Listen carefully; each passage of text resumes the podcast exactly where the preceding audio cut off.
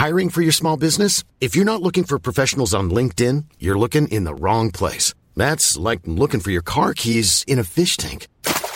LinkedIn helps you hire professionals you can't find anywhere else, even those who aren't actively searching for a new job but might be open to the perfect role. In a given month, over 70% of LinkedIn users don't even visit other leading job sites. So start looking in the right place. With LinkedIn, you can hire professionals like a professional. Post your free job on linkedin.com slash people today.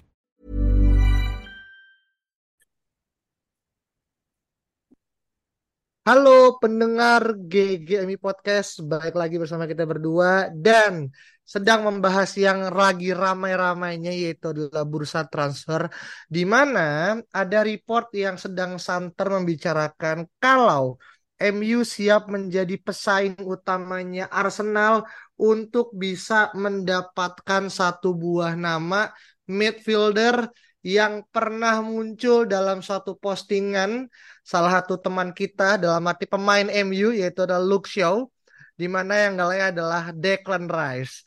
Nah, menariknya kita nggak akan ngebahas Declan Rice sebagai pemain dalam porsi transfer, tapi kita melihat saga yang melibatkan adanya nama-nama seperti Scott McTominay dan juga Haji Maguire dalam part of the process. Nah, lu ngeliatnya gimana, Vin? Dari saga Declan Rice plus uang plus dua nama karena katanya Moyes kesemsem sama Maguire dan juga McTominay ini sendiri, Vin.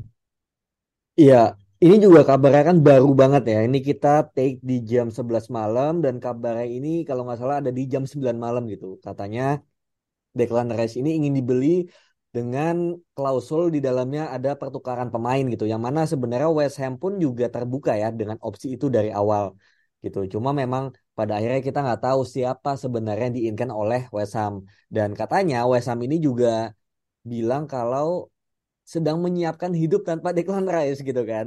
Nah Waduh. ini kan berarti kan um, sifatnya adalah pemain gelandang gitu yang mungkin mungkin nggak mirip banget tapi setidaknya lah ya bisa uh, menggantikan se mungkin dalam sisi fisikalnya ya gitu dan itu ternyata memang ada di dalam diri McTominay yang memang juga di admire ya sama si David Moyes gitu. Jadi menurut gua kalau misalnya gitu, misalnya deal ini akhirnya bisa dikompromis ya dengan angka let's say misalnya Scott McTominay dihargai 30 ya kemudian kita kasih 70 gitu ya. Menurut gue itu juga udah good deal sih ya gitu. Karena kita juga satu sisi selain kita mau butuh gelandang baru kita pun juga butuh menjual pemain-pemain ini gitu. Yang mana bisa dibilang Deadwood nah jadi menurut gue kalau misalnya bisa dibayarkan segitu menurut gue sih bagus banget. Meskipun ya di kabar awalnya dulu tuh gue sempat baca bahwa kalaupun ada pertukaran pemain, West Ham itu tetap pengen 100 juta upfront gitu loh. Jadi 100 juta ini cash, nah plusnya itu adalah pemain. Itu kan agak nggak make sense ya gitu. Jadi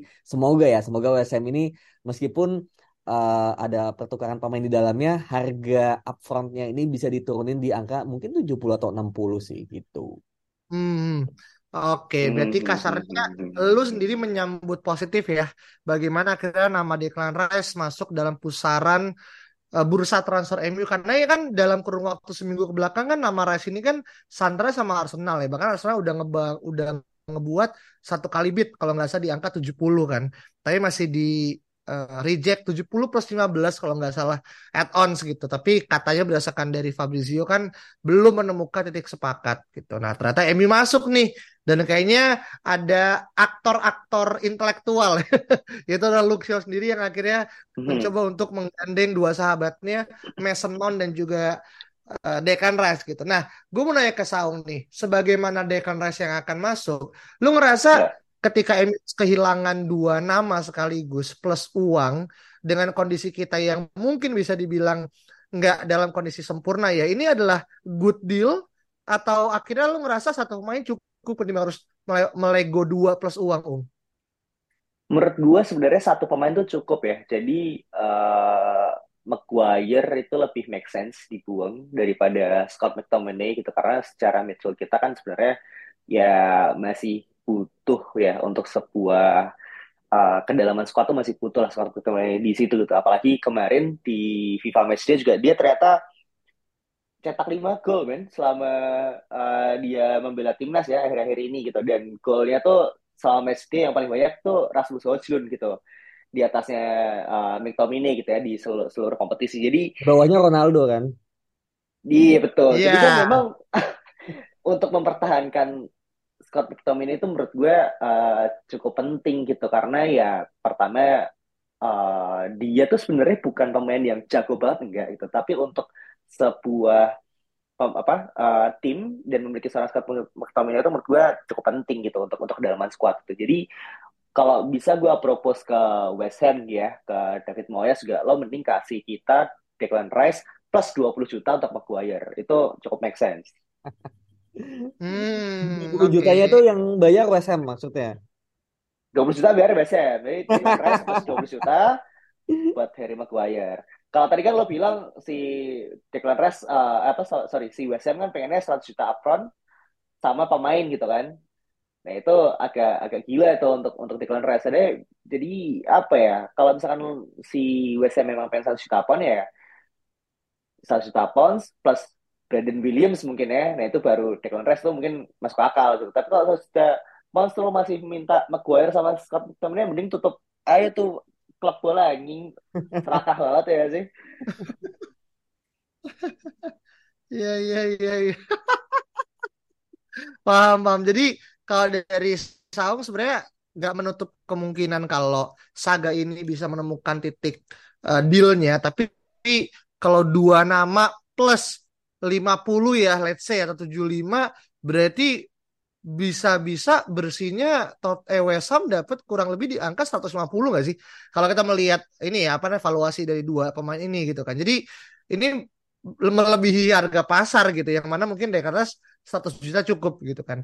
Tapi ini menarik ya karena kita juga lihat ya rumah berkembang sebenarnya uh, Scott McTominay kan juga di quote unquote ya dilirik sama beberapa tim Inggris kan sebut aja lah kayak Newcastle gitu. Dan santer dari bursa musim dingin kemarin kan harusnya dia mungkin diberikan allowance ya untuk akhirnya pindah kan tapi ujungnya dikit atau bahkan Maguire yang ternyata diminta sama agennya untuk tahan diri tidak pindah ke klub lain dalam arti Liga Inggris tapi justru malah pindah ke Liga Italia. Katanya sekelas Inter Milan sekelas AC Milan katanya ingin memakai jasanya gitu kan. Nah, lu ngerasa dengan kompleksitas seperti ini, apakah masih mungkin, Vin, untuk akhirnya MU bisa dililan dengan apa namanya tim sekelas West Ham gitu kan? Yang mana mungkin terakhir kali kita nggak beli pemain dari West Ham, mungkin di zamannya Carlos Tevez ya. Setelah itu kan hampir udah nggak ada lagi tuh kita akhirnya punya didilan gitu kan sama klub dari London Utara ini, Vin. Iya, emang menurut gua masalah Declan Rice ini agak pelik ya karena memang ya kita udah ada gitu posisi dia itu Casemiro gitu di posisinya Declan Rice. Dan juga mungkin kalaupun di nomor 8 ya kita lagi ngejar adalah seorang Mason Mount dan ada Erikson di sana gitu. Jadi memang sebetulnya urgent gak urgent sih gitu. Kayak mungkin sayang untuk dilewatkan tapi sebetulnya nggak lagi yang harus sekarang banget gitu. Dan juga kan harganya juga mahal banget. Itu uh, itu doang sih sebenarnya masalahnya kan gitu. Jadi memang pada akhirnya um, ini agak sulit dan juga kita juga lihat gitu Arsenal ini udah ngebit sampai dua kali.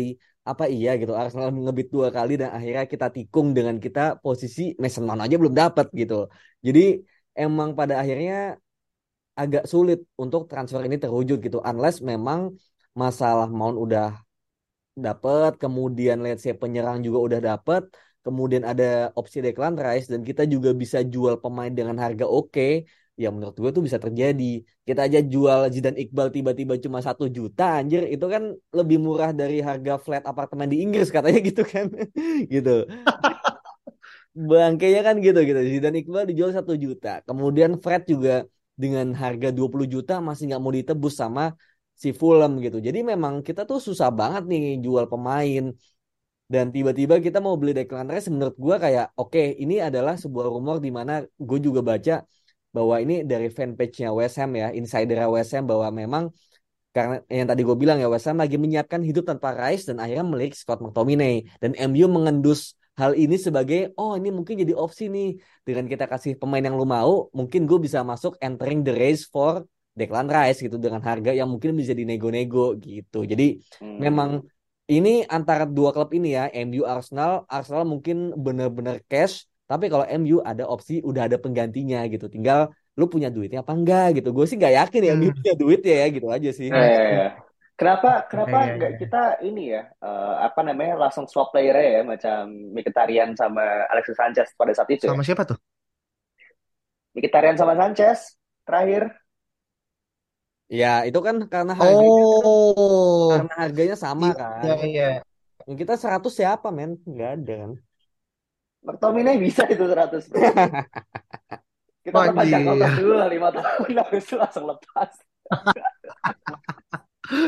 Aduh, iya iya. Tapi gini, ini menarik juga nih, Ong, karena kan eh, quote unquote ya, kita kan dari semenjak mungkin transfernya Maguire dan nama-nama pemain Inggris beken lainnya Jadon Sancho yang terakhir, kita kan quote unquote agak cukup alergi ya. Apalagi dengan pemain Inggris yang harganya di luar nalar gitu kan. Dan nama-nama kayak Rice, nama-nama kayak Mount ini kan sebenarnya itu membuat kita akhirnya punya fobia gitu kan. Kalau pemain Inggris harganya tinggi, tapi kualitasnya kadang nggak sebegitu baik seperti apa yang diekspektasikan dari harga gitu. Lalu ngelihat dengan misalkan ya, kita berhasil mendatangkan Rice dengan 50 plus Maguire dan juga Scott McTominay yang mungkin kalau secara valuasi gue bilang di angka seratusan lebih gitu kan. Lu masih ngerasa ini adalah part of mistakes atau ini adalah era baru yang totally different karena Mount another level dibandingkan nama-nama yang tadi gue sebutin di awal. Aha. Tentu ini new era ya, bro ya. Apalagi ketika kita melihat Manchester City nge-pair 100 juta pounds untuk Jack Grealish sih udah pasti semua pemain Inggris setelah itu harga valuasinya akan makin gila gitu. Dan menurut gua sekarang memang Declan Rice itu perannya sangat penting gitu di tim West Ham kemarin gitu. Apalagi, apalagi mereka udah apa eh, dia udah ngebawa timnya juara conference eh, cup kan gitu dan secara profil pemain pun juga cocok dengan apa yang kita punya gitu. Jadi menurut gua kalaupun memang kita harus melek kedua orang pemain gitu untuk seorang Declan Rice dan tambah seperti yang tadi Alvin bilang ya mungkin 50 60 juta mungkin itu sangat-sangat make sense man gitu untuk seorang Declan Rice. Jadi eh, sampai di beberapa musim ke depan gue nggak yakin seorang talent Inggris harganya akan reasonable sih. Kayak gitu. Jadi Mason Mount aja yang 55 juta ditolak kan. Padahal kontrak tinggal setahun gitu. Terus eh, kemarin musim lalu dia main juga nggak banyak gitu matchnya kan. Jadi kayak gila gitu. 55 juta pun untuk seorang Mason Mount tuh udah, udah gila. Kalaupun dia katakanlah dia orang eh, mana ya, Spanyol atau Itali paling mentok 30 itu Pak. Yakin banget Hmm. gua. Prata yang lebih jago dan lebih sering main daripada Mason Mount di harga cuma 20 juta itu pun itu pun klub juga mau bayar kan menurut gua nggak masuk akal. Jadi ya memang seperti inilah eh, era barunya Inggris ya yang semua serba overpriced, serba mahal. Cuman memang kalaupun kita membutuhkan dia gitu kan dan memang kita harus bayar dan mungkin ke depannya juga bisa travel kayak City yang beli Jack Grealish ya why not sih?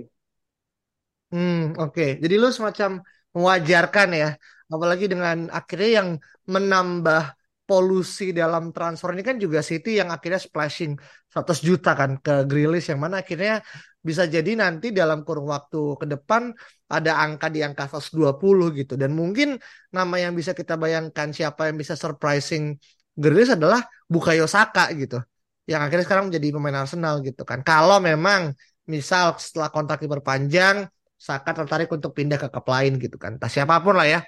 Dan gue yakin sih 120 atau 50 mungkin ya eh, adalah harga yang dikalungkan sama Arsenal untuk pemain ya home ground Inggris Pride gitu kan. Ya udah gitu dan kita hanya bisa menikmati siapa yang akan mendapatkan buah gitu. Tapi balik lagi nih kepada transfernya eh, Declan Rice gitu kan. Yang mana gue sih ngelihat ya dari semua akun fanbase MU di Indonesia apa pun di luar rata-rata memang lebih cenderung open. Berarti kan menerima. Jarang yang sangat resisten apalagi mungkin ngelihat kondisinya MU yang sekarang sedang butuh bala bantuan secara squad depth untuk bisa mengarungi quote unquote misalnya empat kompetisi gitu. Dan ketika kita sekarang kita sampai dengan detik ini belum bisa mendatangkan siapa pun, banyak orang ngerasa kayak oh ini tinggal nunggu waktunya nih bisa jadi pelepasan atau delay dari pemain-pemain yang kita udah linkin itu akan sama dengan waktu di mana jersey utama kita akan rilis di tanggal kalau nggak salah tanggal 26 ya. MU akan rilis eh, jersey terbarukan. Nah, lo ngelihat ini bisa jadi semacam momentum gak sih, Vin, kalau memang sengaja di apa ya ditutup gitu kan? Untuk akhirnya ya udah di akan reveal ketika tanggal 2 dan mungkin nama pertama adalah Declan Rice itu sendiri sebagai uh, summer signingnya uh, Ten Hag, Vin. Oh ini terlalu apa ya? Terlalu ngawang-ngawang sih menurut gue, terlalu ngadi-ngadi. Kayak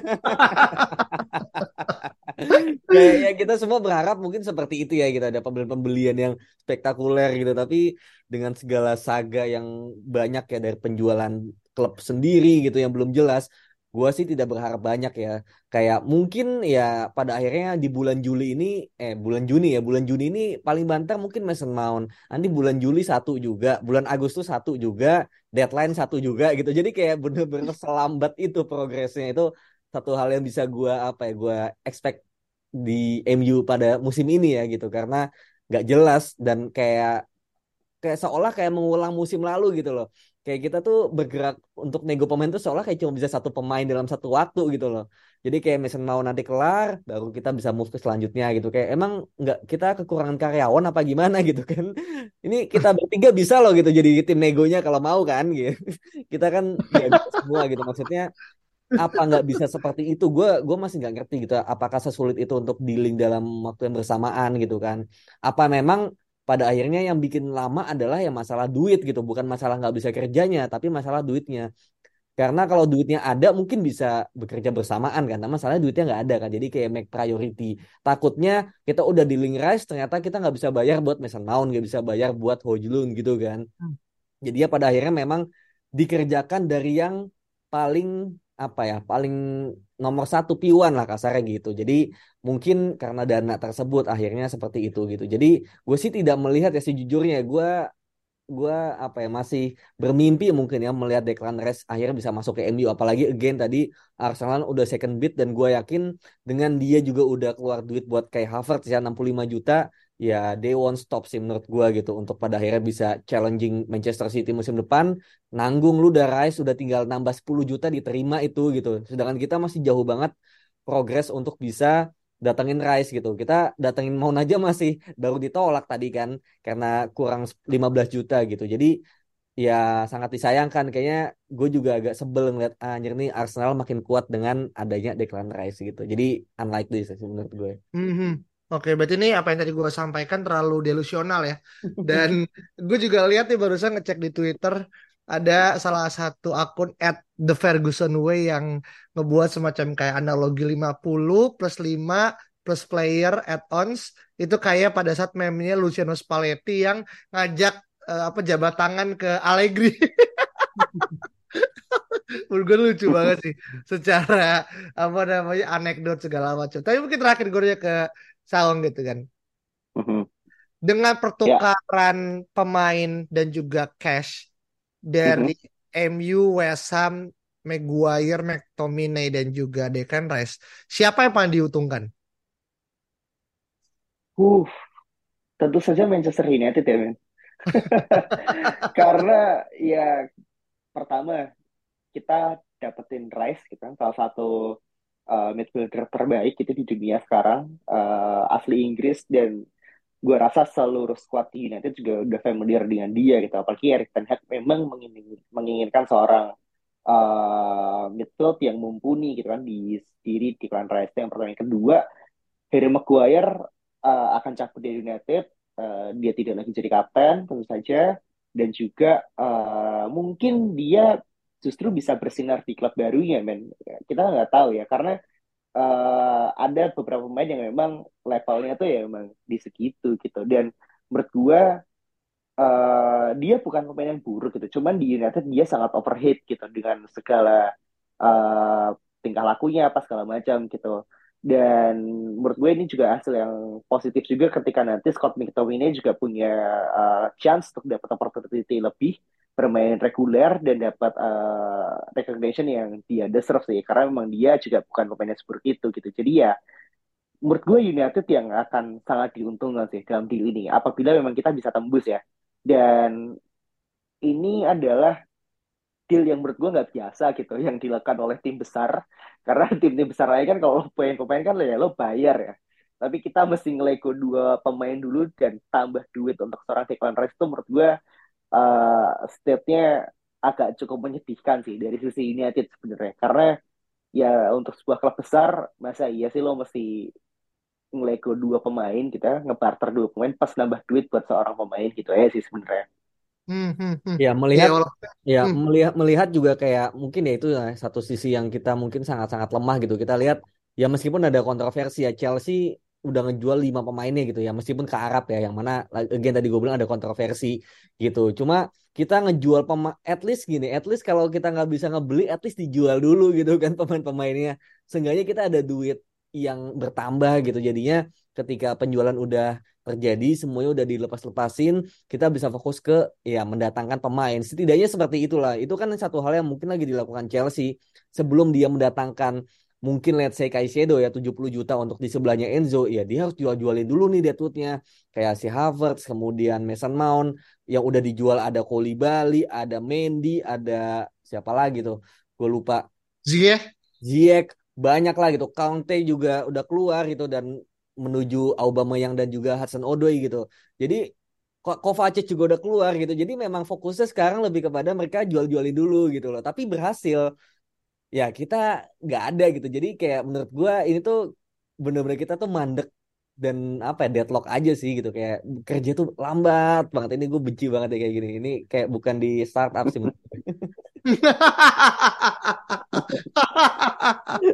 Iya iya iya iya iya. Banyak kayak birokrasi di MU kayaknya ya. Iya ya begitulah. Dan seperti yang gue bilang kan, apa? Uh, kayak gue pernah bilang kan, MU itu bahkan dalam konotasi yang sangat-sangat ekstrim adalah seperti kita tuh bahkan nggak bisa ngejual air minum kepada unta yang sedang haus gitu. Karena emang emang segoblok itu aja gitu kan. Memang akhirnya apa yang ada gitu. Dan kita akan melihat ya terus ya memantau dan uh, dan kayaknya nih ini gue baca juga live report nih. Kayaknya chance McTominay akan ke Tottenham semakin tertutup karena kayaknya uh, Newcastle udah deal sama AC Milan ya. untuk Sandro Tonali di angka 70 juta gitu kan. Ini gue baca dari David Onstein yang mana mungkin bisa jadi salah satu kenyataan ya karena kita tahu juga nih uh, apa namanya uh, Newcastle yang yang tahun lalu mungkin agak sedikit malu-malu kucing gitu kan. Nah, sekarang mungkin udah mulai menunjukkan kan taji seperti apa gitu dan mungkin bisa dibilang ini first signingnya buat Newcastle ya.